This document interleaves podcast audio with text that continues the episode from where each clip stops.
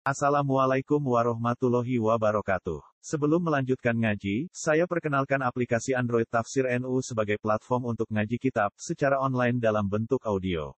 Tafsir NU berisi berbagai kajian kitab kuning dari berbagai ulama NU. Silahkan download aplikasi Tafsir NU di Google Play Store. Link download ada di deskripsi. Wassalamualaikum warahmatullahi wabarakatuh. Bismillahirrahmanirrahim. Bayanu akh ikhfa isah akhdh sadaqah wa idhariha. Menerangkan tentang menyembunyikan sedekah atau menampakkannya ya. Mana yang lebih baik? Apakah kita ini sedekah itu akhdus sedekah, menerima sedekah Ikhfa akhdus sedekah menyembunyikan ya menerima sedekah secara sembunyi atau terang-terangan ya. Kemarin sudah dibahas tentang cara menyampaikannya, memberikannya di depan umum atau di tempat atau di lokasi atau di situasi yang tertutup. Sekarang menjelaskan tentang menyembunyikan mengambil sodakoh atau menampakkan. Artinya cara menerimanya ya. Qad ikhtalafal an-nasu qad ikhtalafa an-nasu fi turuqi tullabil ikhlas fi dhalik. فمال قوم إلى أن الإخفاء أفضل Qad ikhtalafan nas manusia berbeda pendapat fi turuq itulah bil ikhlas fi dhalik tentang cara-cara orang yang mencari jalan ikhlas di dalam menerima sedekah. Menerimanya ya.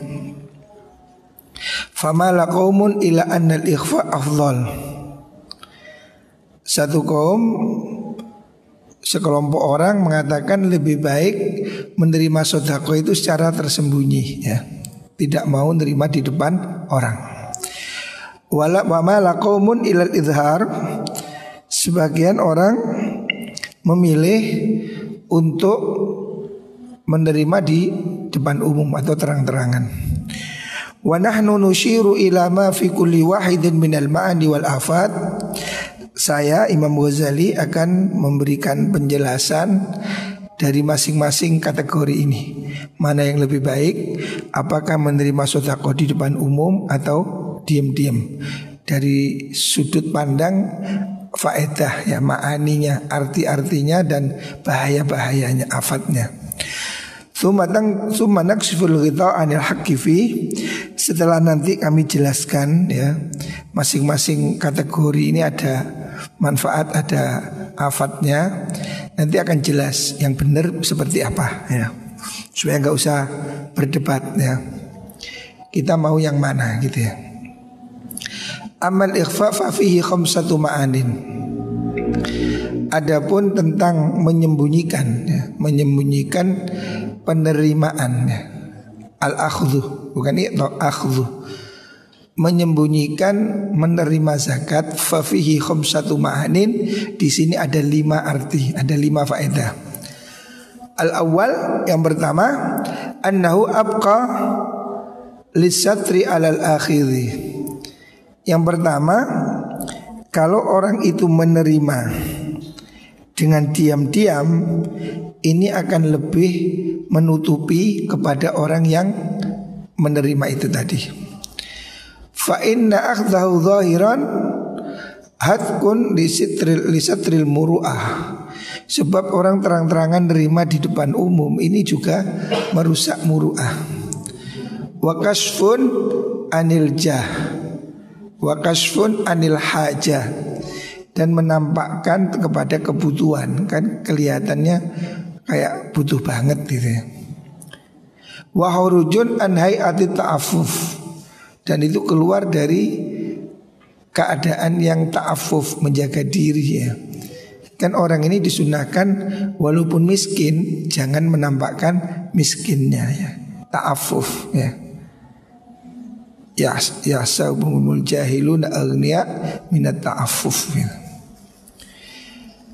Watasawun dan menjaga al-mahbubi yang disukai yang disunahkan alladzi yahsibuhumul jahilu bihi aghniya aminat ta'affuf seperti yang disebutkan dalam Al-Qur'an sifatnya para sahabat itu seakan-akan kaya padahal tidak kaya karena mereka ta'affuf mereka menjaga diri menjaga kehormatan untuk tidak minta minta jadi Imam Ghazali menjelaskan di sini yang pertama, kalau sedekah itu tidak diterima di depan umum, itu akan lebih menutupi diri. Sekarang ini kan orang jadi latah ya, tren. Ada santunan yatim piatu, anak yatim dijejer-jejer naik podium. Kan kasihan itu kan kurang menghargai. Cuma beri uang 50 ribu aja dipajang di panggung membawanya. Atau santunan fakir miskin hari ini di kampung-kampung atau di ini ada santunan tapi diliput media besar-besaran. Padahal yang diberikan cuma beras sekilo dua kilo ya. Itu kan tidak tidak sumbut dengan kakean gaya gitu. Wasani annau asramul qulubin nas alsinatihim. Faedah yang kedua kalau sedekah itu diterima diam-diam itu lebih menyelamatkan hati manusia. Artinya supaya nggak dirasani loh, iku nerimo piro, itu nerimo piro kan dirasani orang. Oh iku enak iku, tak soleh duit, kan di, dirasani orang. Dan menjaga dari mulutnya orang supaya nggak dirasani. Orang ini kalau dapat rezekian yang lain kan iri gitu. Fa innahum rubbama yahsuduna au yungkiruna alai akhdha. Orang-orang ini kadang menjadi hasud atau dia menjadi ingkar. Oh, kok nerima zakat wong kaya umpamanya. Ada kiai nerima zakat, kiai kok nerima zakat ya, pro kontra ya. Kalau terang-terangan. Wa yadhunna annahu akhidun ma'al istighna. Mungkin orang akan menyangka Wong itu kaya kok nerima zakat Akhirnya kan jadi kunjingan ya Ya kadang ada begitu Dulu kiai saya itu menerima zakat, tapi sebetulnya tidak diterima, diberikan orang lain. Jadi cuma ditumpuk aja terus dikasihkan orang. Tapi orang yang nggak tahu kan dikira mau kiai terima zakat, nah, kan begitu. Padahal kiai diterima tapi untuk diberikan orang. Ya. Tapi itu kan orang yang nggak paham bisa jadi salah paham. Mau kiai terima zakat. Nah. Padahal kiai itu nggak nggak nerima sesungguhnya, ya cuma di ditambahi tapi untuk diberikan orang lain ya. Sibunau ila akhdhi ziyadatin Kalau diterima depan umum nanti akan digunjing Wah dia itu nerima lebih ya. Jadi bahan gunjingan Wal hasadu wa su'udhan wal ghibah minadzunubil kabair Sifat hasud Bergunjing Su'udhan itu dosa besar ya. Artinya kalau kita menerima zakat di depan umum itu bisa menimbulkan itu tadi kehasutan atau kesuudon atau pergunjingan. Dan itu semua dosa. Wasyanatum an hadhil jaraimi aula. Menjaga untuk tidak terjadi hal ini itu lebih baik ya. Ini faedah yang kedua dari supaya orang jangan menerima zakat secara terang-terangan ya. Abu Ayyub As-Sakhtiyani ini la atruku lubsa saubil jadid khasyata ayyahdisa fi jirani hasadan. Nah. Ada seorang ahli sufi Abu Ayyub As-Sakhtiyani mengatakan saya tidak mau pakai baju baru ya. Walaupun saya punya Tapi gak saya pakai Kenapa? Karena saya takut Tetangga saya ini jadi hasut Kiai kok ngelambini anyar Kiai kok suki Ya salah dewe to awakmu gak suki Kiai suki kok dirasani. Bisa Alhamdulillah Kiai suki Ya rezeki ini akeh. Atau dia suki tapi tidak berbuat jahat. Tapi orang kadang serba salah. Kiai melarat dirasani. Kiai ilmu ini gak pakai manfaat. Oh, Dikira manfaat ini ukurannya mobil.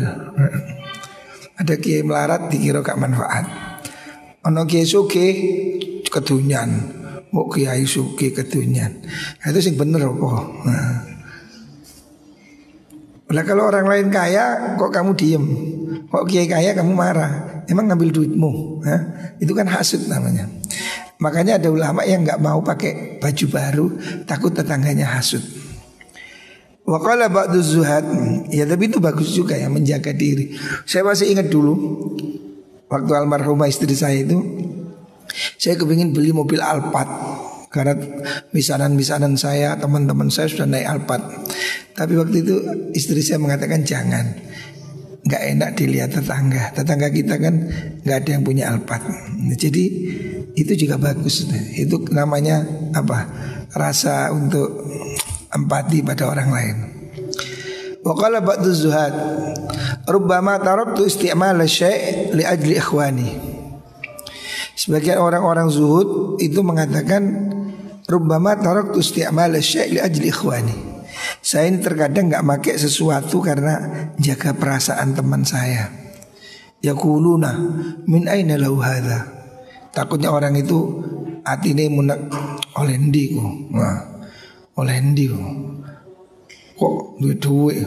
Jangan-jangan punya tuyul. Nah orang kan ada ada hasil itu kan curiga ya. Makanya untuk menghindari itu ulama ada yang lebih suka tidak memakai sesuatu yang mewah ya. Asalis yang ketiga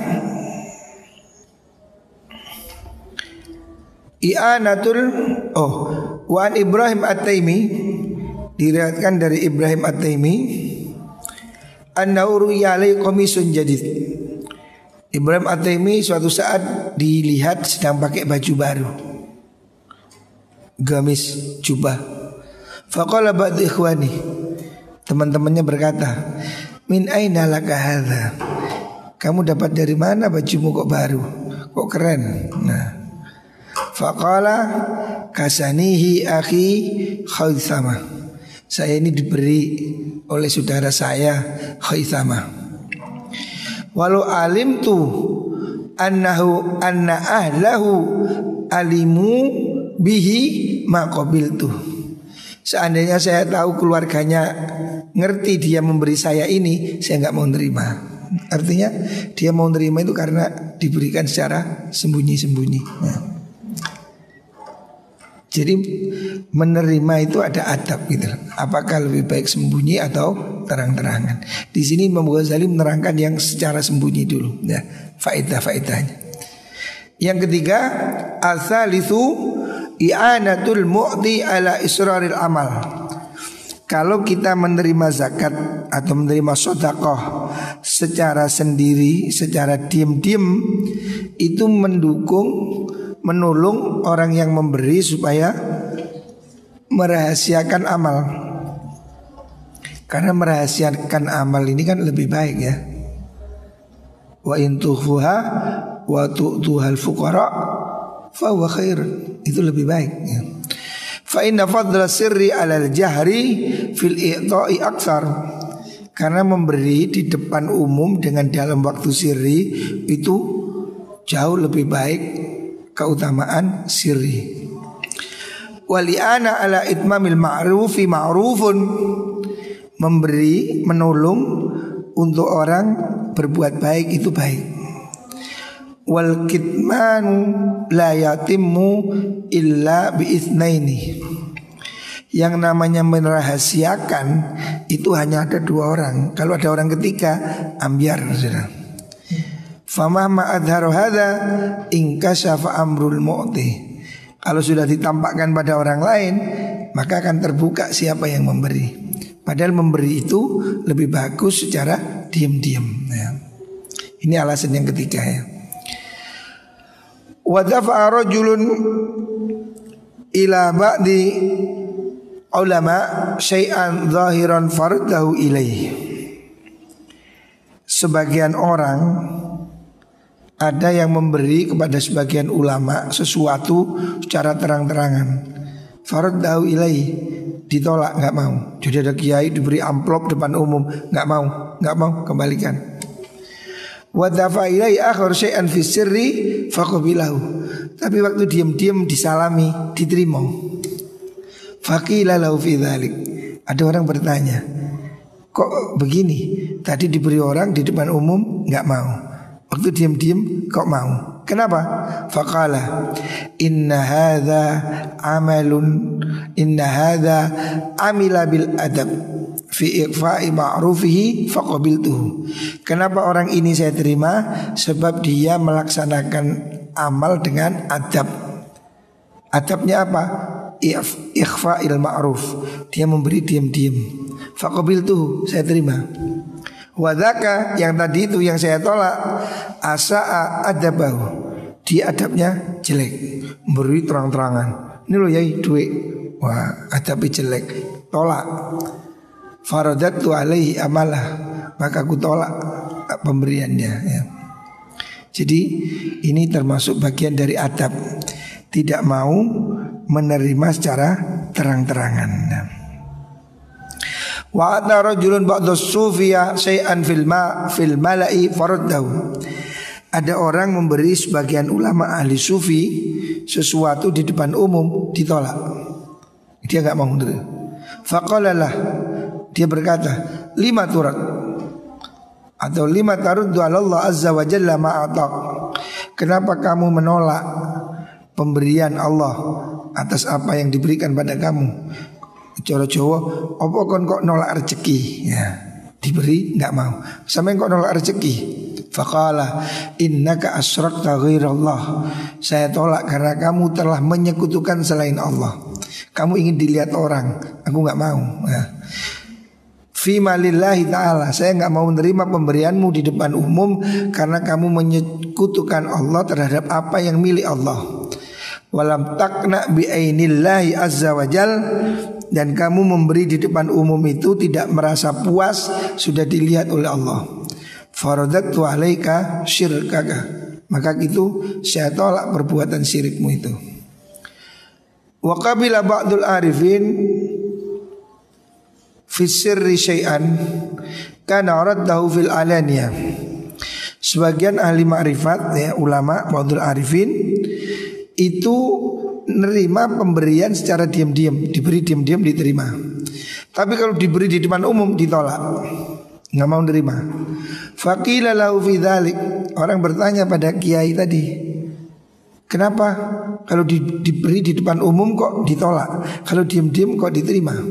Faqala asaitallaha bil jahri. Karena kamu durhaka pada Allah dengan memberi terang-terangan. Falam aku aunan laka alal maksiyah. Maka saya tidak mau nolong kamu maksiat Karena kamu niatnya pamer. Kamu memberi di depan panggung itu kan kamu pamer. Saya nggak mau nerima. Watok tahu bil ikhfa. Kalau kamu berikan diam-diam Itu kan karena kamu taat Cari pahala pada Allah Fa'antuka ala birrik. Maka kamu saya bantu Supaya amalmu diterima oleh Allah. Nah. Waqala Thawri Berkata Imam Thawri Lau alimtu anna ahadahum la yadhkuru silatahu Wa la tahaddathu biha Laqabiltu silatahu. Kalau saya tahu Orang yang memberi ini tidak cerita-cerita Kalau dia sudah memberi tidak disebutkan di mana-mana, saya terima pemberiannya, sambungannya, hadiahnya itu saya terima. Tapi kalau orang itu ngabiak ke mana-mana, Imam Sauri tidak mau menerima. Yang keempat, faidah dari menerima secara rahasia, ar-rabi anna fi ihdharil dhullan wa. Yang keempat, kenapa kita tidak terima kalau di depan umum sebab menerima di depan umum itu ada zullan wa imtihanan. Ada kehinaan. Kan menjadi kelihatan itu nggak terhormat. Walaysa lil mu'min nafsah. Dan orang mukmin itu tidak boleh menghinakan dirinya.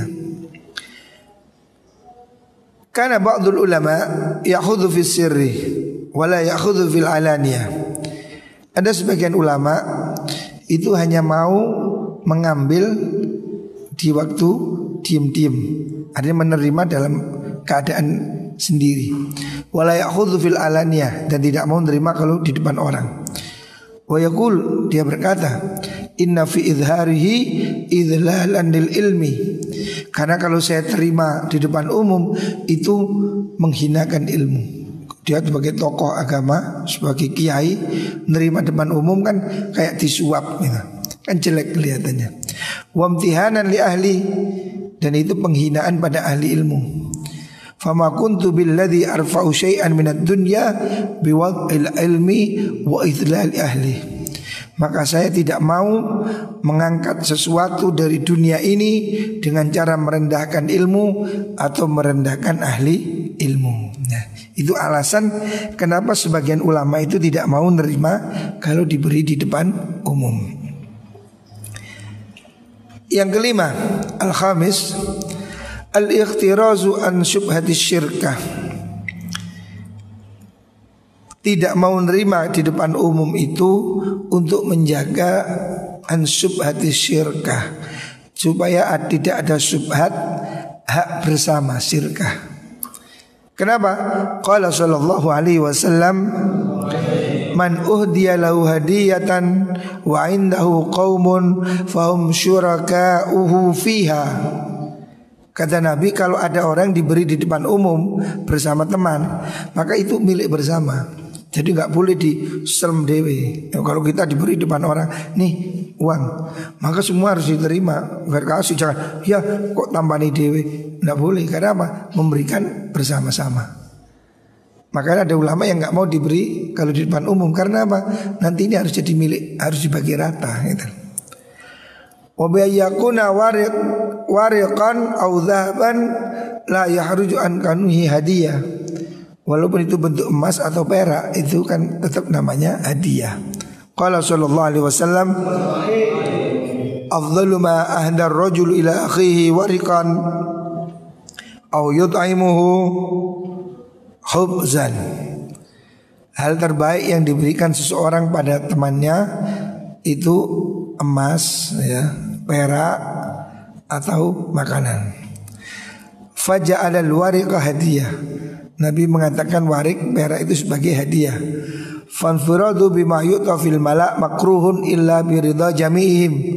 Maka memberikan uang warik di depan orang itu makruh.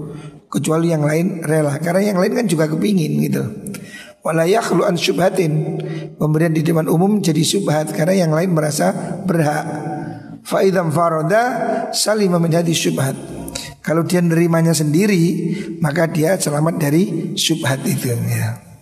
Jadi ada lima. Etika Kenapa orang lebih memilih Menerima secara diam-diam? Apa tadi yang pertama? Supaya tetap menutupi Kehormatannya. Yang kedua supaya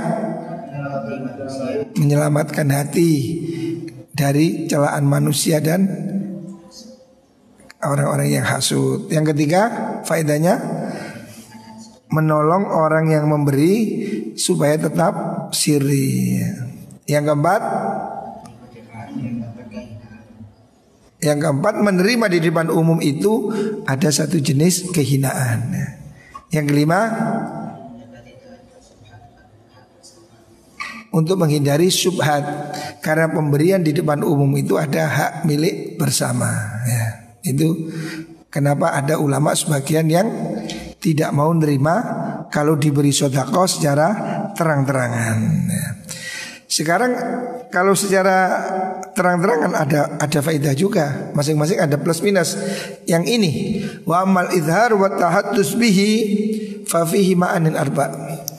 Kalau tadi dijelaskan faedah menerima diam-diam. Kalau sekarang menerima terang-terangan juga ada faedah juga ya. Makanya ditimbang. Fafi ma'anin arbah. Ada empat faedah. Kalau tadi nerima secara diam-diam ada lima faedah. Kalau secara terang-terangan ada empat. Yang pertama, al awal al ikhlas wasidqu wassalamatu an talbisil hal wal miraah. Yang pertama itu untuk menyelamatkan ya, untuk ikhlas supaya transparan maksudnya. Supaya tidak jadi bisik-bisik sehingga diterima itu jelas. Karena kadang orang itu kan bisa bohong, berinya cuma sejuta, cerita-cerita sepuluh juta. Biar clear ya. supaya tidak ada subhat ya untuk menunjukkan ikhlas, kejujuran, kebenaran supaya tidak ada riak gitu. Bahwa dia terang-terangan nerima gitu. Bukan kaya-kaya ini satu. Menurut yang membolehkan. Wasani isqatul jahi wal manzilah yang kedua memang niat untuk menjatuhkan harga diri supaya tidak sombong merasa dirinya melarat. Nah. wa idharul ubudiyah wal maskanah dan menampakkan sifat kehambaan dan miskin. Memang terang-terangan aja miskin supaya kelihatan miskin supaya nggak sombong. Memang ikhlas loh ya. Wa tabarri minal kibriya wa da'wal istighna dan membebaskan diri supaya tidak merasa kaya atau sombong. Wa isqatun nafsi min ayunil khalqi memang tujuannya untuk merendahkan diri di depan makhluk. Jadi ada orang yang sengaja nerima itu memang supaya dia itu menghilangkan rasa gengsinya. Nerima di umum itu kan malu. Dia memang menghilangkan kesombongannya begitu. Qala ba'dul arifin litilmidhi. Sebagian ahli ma'rifat bercerita kepada muridnya. Azhir al-ahda ala kulli halin in kunta akhidan. Tampakkan kamu mengambil zakat, nerima zakat dalam kondisi apa pun in kunta akhidan bahwa kamu memang mengambil fa innaka la tahlu min ahadi rajulaini kamu mesti konsekuensinya ada dua ya ada dua orang yang memandang. Pertama, rajulun tasqutu min qalbihi idza fa'alta dzalika. Yang pertama ada orang yang akan merendahkan kamu kalau kamu melakukan itu. Alah, Dianggap kamu rendah menerima pemberian orang. Fadzalika wal murad. Memang itu yang kamu cari supaya kamu itu nggak dilem. Memang sengaja niat dirinya supaya di, tidak diistimewakan supaya dia merasa hina. Li'annahu aslamu lidinika. Karena posisi seperti ini lebih bagus untuk agamamu. Menghilangkan sombong nih loh. Ada satu kisah ya. Imam Abu Yazid itu punya santri Santrinya sudah mondok kira-kira 35 tahun. Tetapi dia tidak mendapatkan efek di hatinya. Padahal mondok sudah puluhan tahun. Dia merasa hatinya masih kering. Sehingga dia bertanya pada gurunya Kenapa saya ini sudah mondok bertahun-tahun Sudah hafal ini hafal itu Tapi hati saya kok merasa kering Tidak merasa nikmatnya ibadah? Kata gurunya Kamu meskipun mondok 300 tahun lagi seperti ini tidak akan berubah. Kepintaranmu tidak membuat kau menjadi merasa nikmat beribadah bersama Allah. Kenapa? Karena di hatimu masih ada sombong. Kamu merasa ustadz senior, paling tua, paling pinter. Karena di hatimu masih ada sombong. Maka tidak ada kelezatan ibadah di hatimu. Obatnya gimana? Obatnya kata Biasid, lepaskan jubahmu, lepaskan sorbanmu, kamu pakai celana pendek, celana ya celana karate itu, nggak pakai baju, joget di pasar, dipendungi anak kecil, dianggap gendeng, kamu terima, itu kamu akan sombongmu hilang semua. Orang menganggap kamu senting dan kamu tidak marah, di situlah egomu sudah hilang. Allah akan bukakan hatimu. Ya. Kalau kamu di hatimu masih ada kesombongan, si rumongso pinter, rumongso senior, Allah tidak akan bukakan pintu hatimu. Ya. Lah, di sini kata Imam Ghazali ada memang orang yang sengaja menerima sodako di depan umum supaya apa? Supaya direndahkan. Memang dia kepingin direndahkan supaya tidak ada kesombongan di hatinya. Supaya dianggap Allah dengan duit umpamanya. Memang sengaja dia kepingin dicap jelek. Artinya dia memang ingin menaruh dirinya serendah mungkin supaya tidak ada kesombongan rumongso api, rumongso hebat. Ada orang yang memilih jalan begini ya. Wa aqallu afati nafsik dan ini lebih sedikit bahaya pada jiwamu ya. Karena kau telah merendah serendah-rendahnya. Ini efek pertama. Yang kedua, tasdadu fi qalbihi bi. Yang kedua mungkin ada orang yang ber, berpandangan baik melihat kamu menerima sedekah di depan umum, kemudian dia akan semakin menghargaimu. Oh ini lo ikhlas, gak gaya, memang apa adanya, nerimo ya nerimo, gak usah gengsi-gengsian. Sehingga orang itu semakin mencintaimu. Yuridu aku. Inilah orang yang ingin menjadi saudaramu. Karena dia betul-betul menghargai kamu apa adanya. Li'annahu yasdadu thawaban bi ziyadati hubbihi laka wa ta'dhimihi iyyak. Orang yang mencintai seperti ini Orang yang mengagumimu dengan kesederhanaanmu itu Akan bertambah cintanya dan bertambah pahalanya. Dia karena dia akan semakin menyukaimu ya. Itu karena cinta karena Allah. Karena dia mencintaimu bukan karena kayamu Tapi karena Allah. Itu termasuk Al-mutahabina fillah ya. Fatu jaru anta Ida kunta sabab mazidi thawabi Maka kamu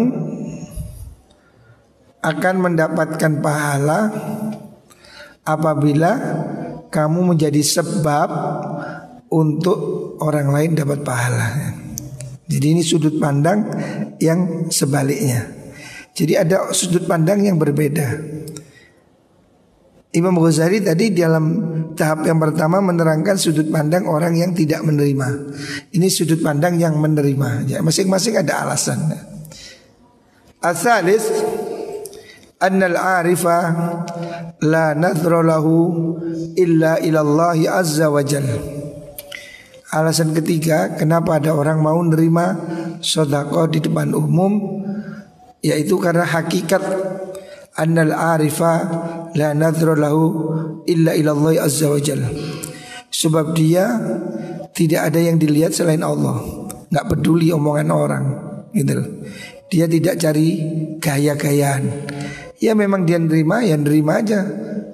Nggak usah gaya-gaya gitu nggak usah sok nggak usah sok kaya sok suci memang dia nerima dan dia tidak peduli apa yang dikatakan orang ya wasir wal alaniya fi haqqihi wahidun bagi orang yang ma'rifat sirri atau alania rahasia atau tampak nyata itu sama nggak ngefek di hatinya ya. karena dia tidak ada pamrih apa-apa Fahtilaful hali syirkun fit tauhid. Perbedaan keadaan ya. Senang tidak senang dipuji senang, dicaci tidak senang. Menurut ahli makrifat itu satu bentuk kemusyrikan dalam tauhid. Kalau dia sudah bertindak untuk Allah, nggak peduli ya. Ya sudah, apa pun kata orang gitu. Kalau ba'duhum kunna la na'ba'u bi du'a iman ya'khudhu fis sirri wa yaruddu fil alaniyah. Ba'dul ulama mengatakan kami tidak peduli dengan doanya orang yang mengambil dalam keadaan siri golongan yang pertama tadi wa yaruddu fil alaniyah dan dia tidak mau menerima menolak kalau di keadaan alaniyah di depan orang. Wal iltifatu ila khalqi hadaru amghabu nuksanun fil hal orang itu memandang kepada penilaian manusia baik manusia itu ada atau tidak ada itu nuksonun fil hal. Itu adalah satu sifat kekurangan. Karena orang itu kalau ikhlas amal itu dilihat orang nggak dilihat orang ya tetap ya. Nggak peduli ya kan apa yang diucapkan orang itu. Bal yang bagi ayakuna nadru maksuran alal wahidil fard. Hendaknya orang itu yang dilihat itu hanya apa yang dilihat Allah. Nggak peduli orang mau ngomong apa gitu. Hukia anna ba'da syuyukh kana kathiran mail ila wahidin min jumlatil muridin Diceritakan sebagian masyayikh itu suka pada satu orang dari sekian murid. Fasyakka alal akharina dzalik.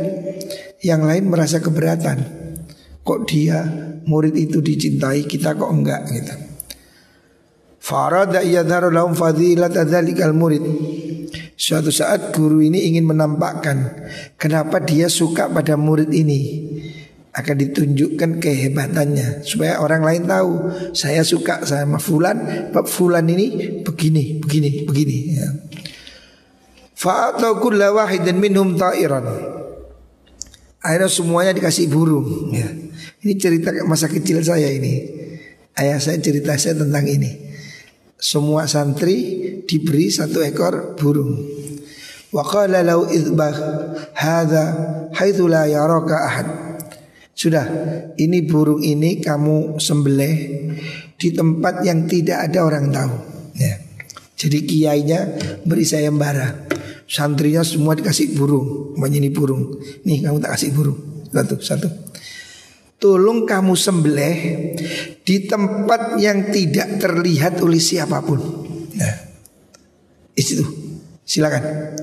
Fadhabu mereka berangkat is masing-masing berusaha cari tempat paling sembunyi supaya tidak terlihat. Fadhabu thumma ja'u wa qad wa qad kullu wahidin ta'irahu illa dzaka. Setelah mereka pergi Semuanya kembali sudah disembelih. Burung tadi kan disuruh sembelih. Ini sembelih burung Di tempat yang tidak ada orang tahu. Wah ada yang nyembelih di atas genteng. Ada yang nyembelih di dalam sumur. Ada yang nyembelih ke isori longan.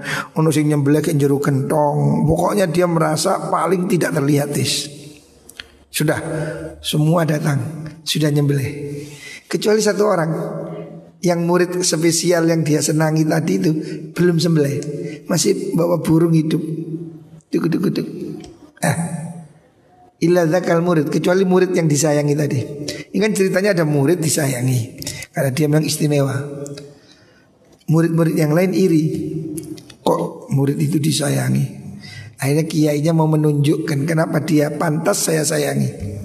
Semua dikasih burung Ayo burung ini kamu sembelih di tempat paling rahasia Jangan ada yang lihat Baik ya sudah pergi Semua sudah selesai Ada yang nyembelih di ujung pohon kelapa Ada yang nyembelih di dalam air Ada yang nyembelih di dalam gentong Di dalam sumur Di atas gunung di Wah pokoknya cari tempat yang paling aman Tidak ada yang tahu setelah kembali satu orang belum nyembelih dia dok. Loh. Fa radda Dia kembalikan burungnya masih hidup. Fasalahum. Terus ditanya. Semua sudah disembelih rahasia, sudah. Faqalu fa'alna ma amar Nabi Syekh. Semua sudah saya sembelih sesuai permintaan tuan guru. Faqala Syekhul lil murid. Syekhnya tadi berkata pada murid yang belum nyembelih ini. Mahlak lam tadbah kama dhabaha ashabuk. Kenapa kamu belum nyembelih seperti yang lain? Ini semua sudah nyembelih di gunung, di dalam sumur, di kentong, di kuriwit. Kamu kok gak nyembelih sendiri? Faqala dzalikal murid Murid tadi mengatakan Lam akdir ala makanin La yaroni fi ahad saya tidak menemukan satupun tempat yang tidak tampak oleh siapa pun. Saya sudah ke mana-mana masih tampak. Masa? Iya. Saya sudah ke dalam air, masih ada yang lihat. Saya sudah di dalam gentong, masih ada yang lihat. Siapa? Allah. Di mana Allah melihat saya. Fa inna Allah yarani fi kulli Karena Allah melihat saya di semua tempat. Tadi kan guru mengatakan sembelihlah di tempat yang tidak ada yang melihat. Saya tidak sanggup karena saya melihat di mana-mana ada Allah, di atas genteng ada Allah, di atas wuwung ada Allah, di dalam sumur ada Allah, dalam gentong ada Allah, di dalam air ada Allah. Allah ada di mana-mana. Fahuwa ma'akum aina ma kuntum. Faqala syekh Gurunya ketawa. Lihada amilu ilaih.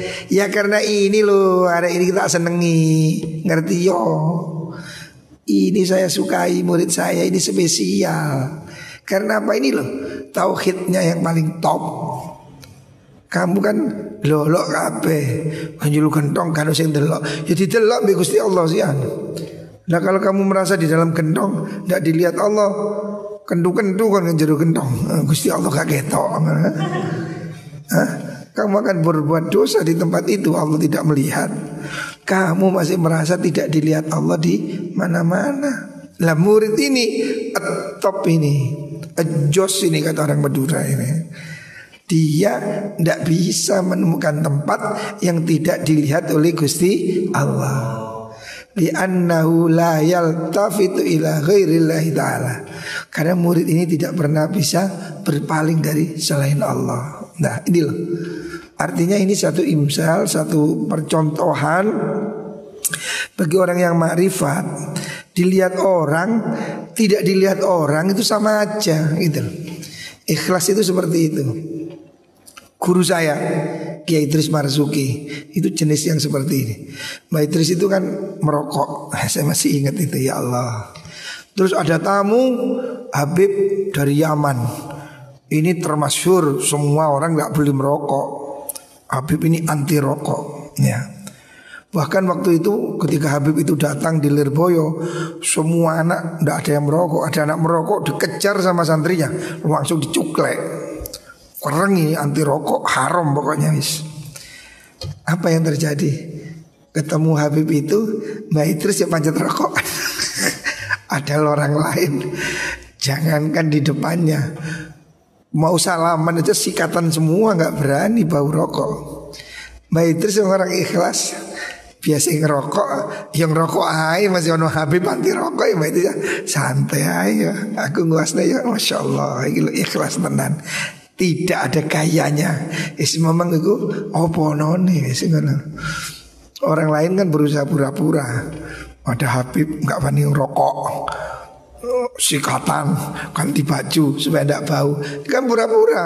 Nanti nggak ada Habib rokokan lagi Mbak Idris enggak Mbak Idris is no problem. Habibnya ada dia rokok aja cendu cendu enak. Astagfirullah. Ini loh saya ingin kalau iling saya ketawa. Ya Allah Mbak Idris ini ikhlas bener ini Ini ulama yang datang ini ulama internasional. Orang takut semua. Dan muridnya galak-galak itu. Waktu itu datang ada anak rokok itu Langsung dicuklei rokok Kurang Nah itu saya santai akhirnya. Ini top ini sudah. Ini yang orang yang tidak peduli Pujian atau celaan itu sama aja. Karena dia hanya berbuat untuk Allah subhanahu wa ta'ala. Semoga-moga kita ini diberi hati yang ikhlas